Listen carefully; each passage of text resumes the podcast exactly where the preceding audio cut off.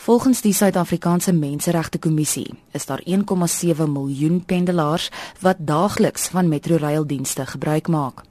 'n Woordvoerder vir die kommissie, Gail Smith, meen veiligheid en menswaardigheid moet reeds hieroor geprioritiseer word. based on articles in the Sunday papers that we had seen that had raised serious concerns about people's right to safety and security in the public transport system.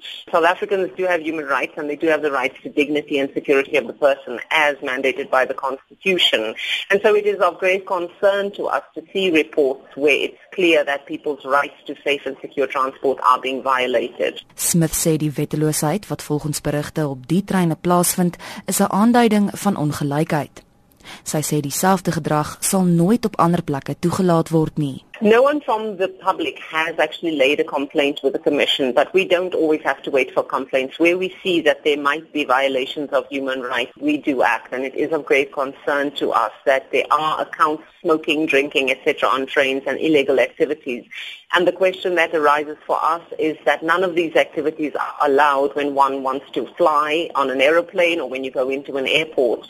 And so it seems to us that there's an equality issue here, that the poor are being unfairly discriminated against. Their rights are not being prioritized, they're not being enforced. Die veiligheid van vroue en kinders is veral kommerwekkend en volgens Smith het almal 'n reg tot veilige openbare vervoer. This has a, an impact particularly on women and children who are traveling in public transport. And it does seem to be that there is um, you know lots of illegal activities being reported, bribery, corruption, people not paying tickets, um, harassing passengers groping women. And that's obviously a concern. That's a safety concern. People should not just have access to public transport. It should also be safe public transport.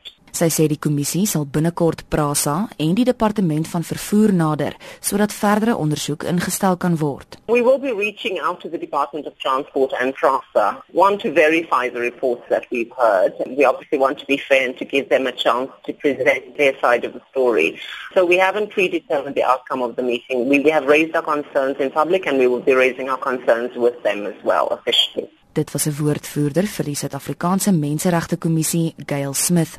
Ek is Joan Marie Verhoef vir SAK nuus.